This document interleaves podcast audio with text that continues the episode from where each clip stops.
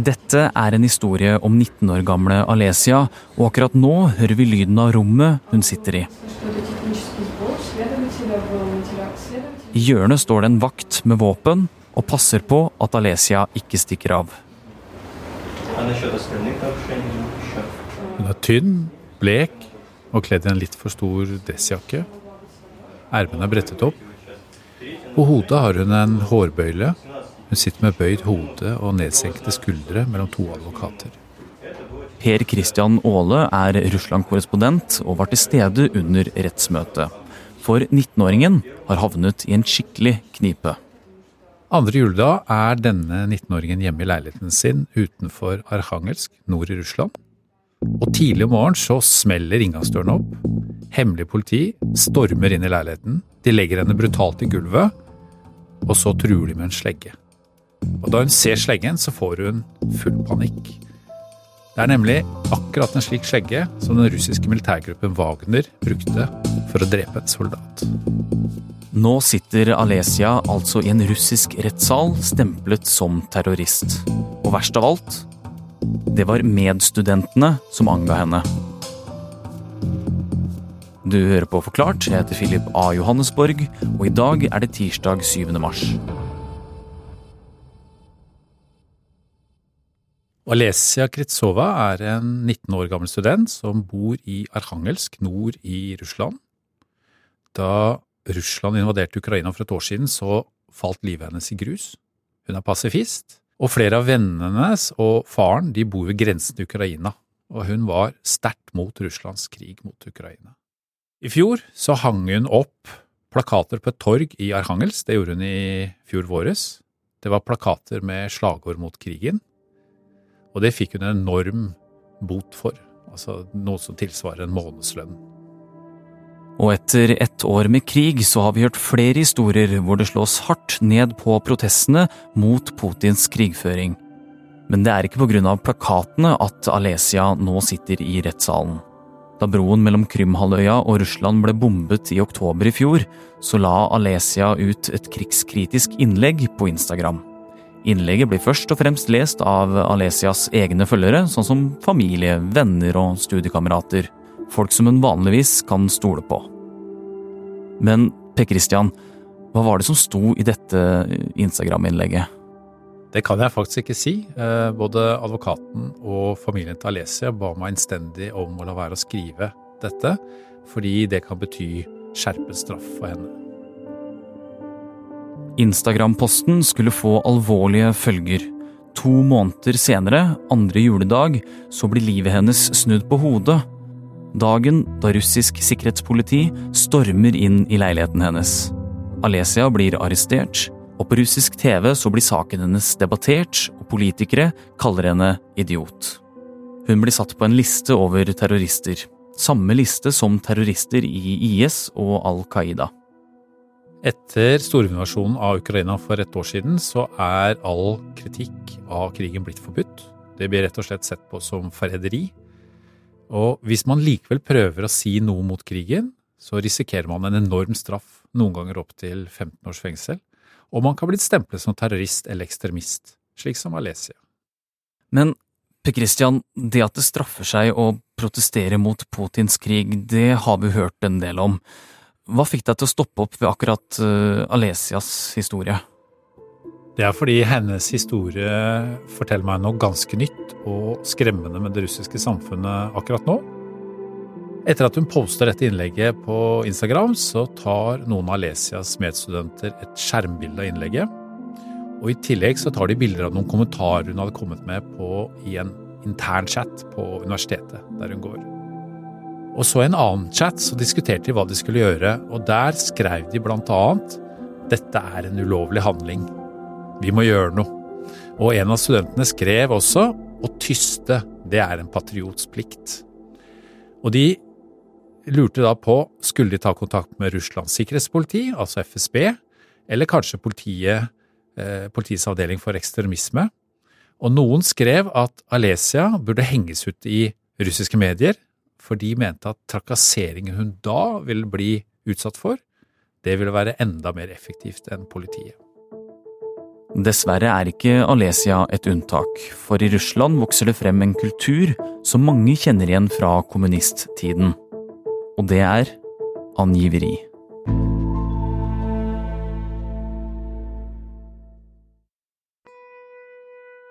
Angiveri er blitt mer vanlig det siste året, og særlig etter at uh, storkrigen startet. Det har vært en rekke tilfeller der elever har angitt læreren sin, andre folk har sladret på naboen, eller folk har sagt fra til politiet hvis noen har snakket om krigen ved nabobordet. Likevel så er det et relativt lavt antall med tanke på hvor stort Russland er. Eh, siden dette ikke er sosialt akseptert, så får det mye oppmerksomhet i mediene. Og Derfor får man inntrykk av at det er større utbredt, eller mer utbredt enn det det egentlig er. Men myndighetene de oppfordrer til angiveri for å skape frykt i befolkningen. Angiveri er ikke noe nytt i Russland. Det var særlig utbredt på 1930-tallet under den sovjetiske diktatoren Josef Stalin. Også den gangen fikk folk bøter og ble satt i fengsel, og folk anga naboen sin og de som ikke var tro mot staten. Det mest kjente tilfellet er 13 år gamle Pavlik Marozov. I 1932 så skal han ha tysset på faren sin. Faren gjemte unna noe korn. Det var tøffe tider, mange sultet. Eh, og av dette angiveri så ble faren arrestert, fikk en streng straff. Men angiveri var ikke sosialt akseptert, selv ikke den gangen. Pavlik ble banket opp, han ble drept. Eh, men myndighetene de gjorde Pavlik til en helt i Sovjetunionen. De mente at han var et eksempel på hvordan man skulle være. Et annet eksempel det er Vjatsjeslav Bakhmin. I 1969 så var han 22 år, studerte i Moskva. Året før hadde Sovjetunionen invadert Tsjekkoslovakia, og det likte han dårlig.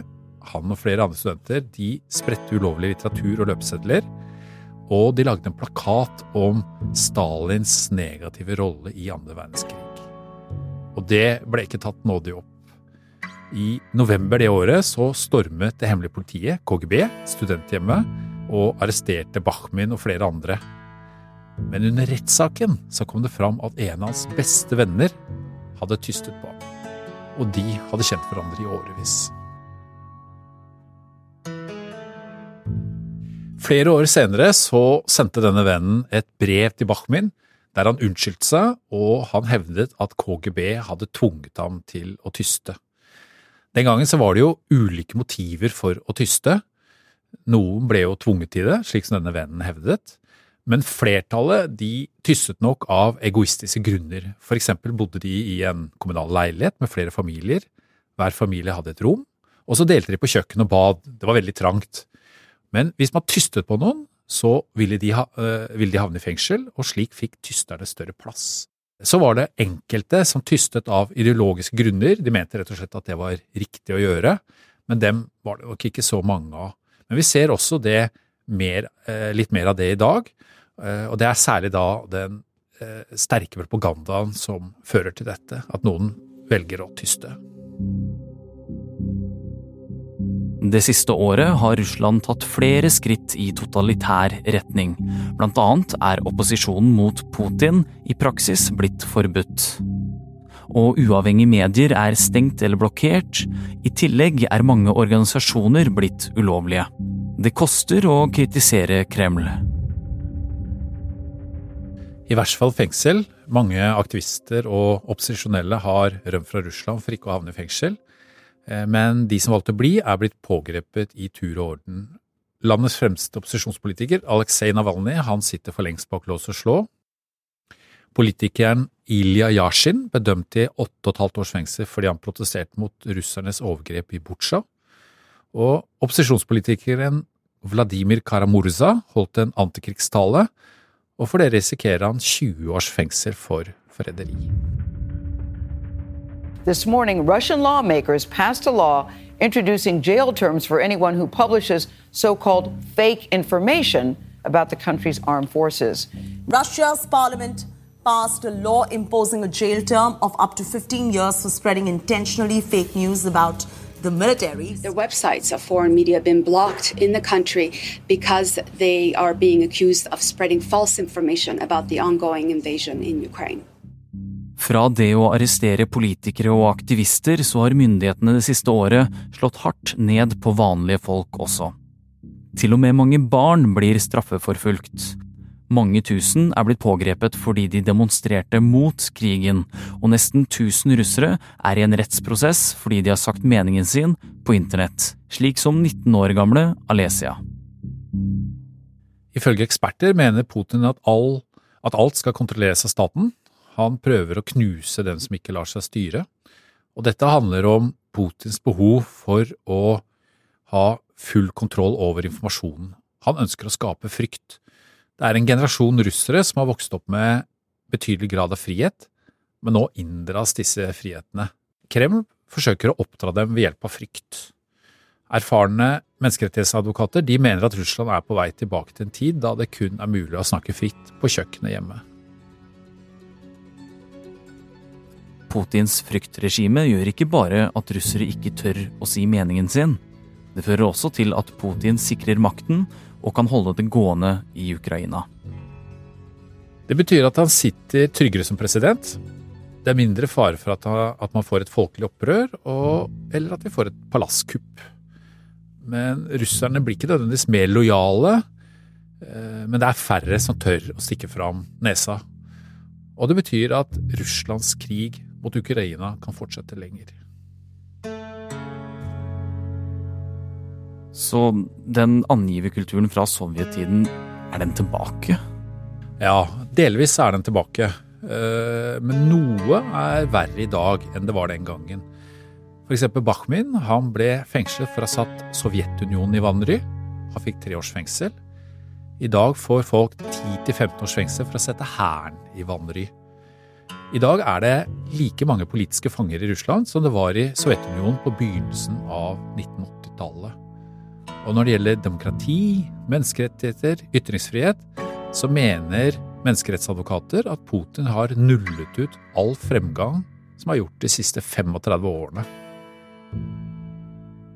På akkurat disse områdene så er Russland tilbake slik det var under den sovjetiske lederen Leonid Brezjnev på begynnelsen av 1980-tallet. Og en av dem som har fått merke denne utviklingen, er 19 år gamle Alesia. Nå venter hun på den skjebnesvangre dommen som kan gi henne ti år i fengsel, og det for å ha sagt meningen sin på Instagram.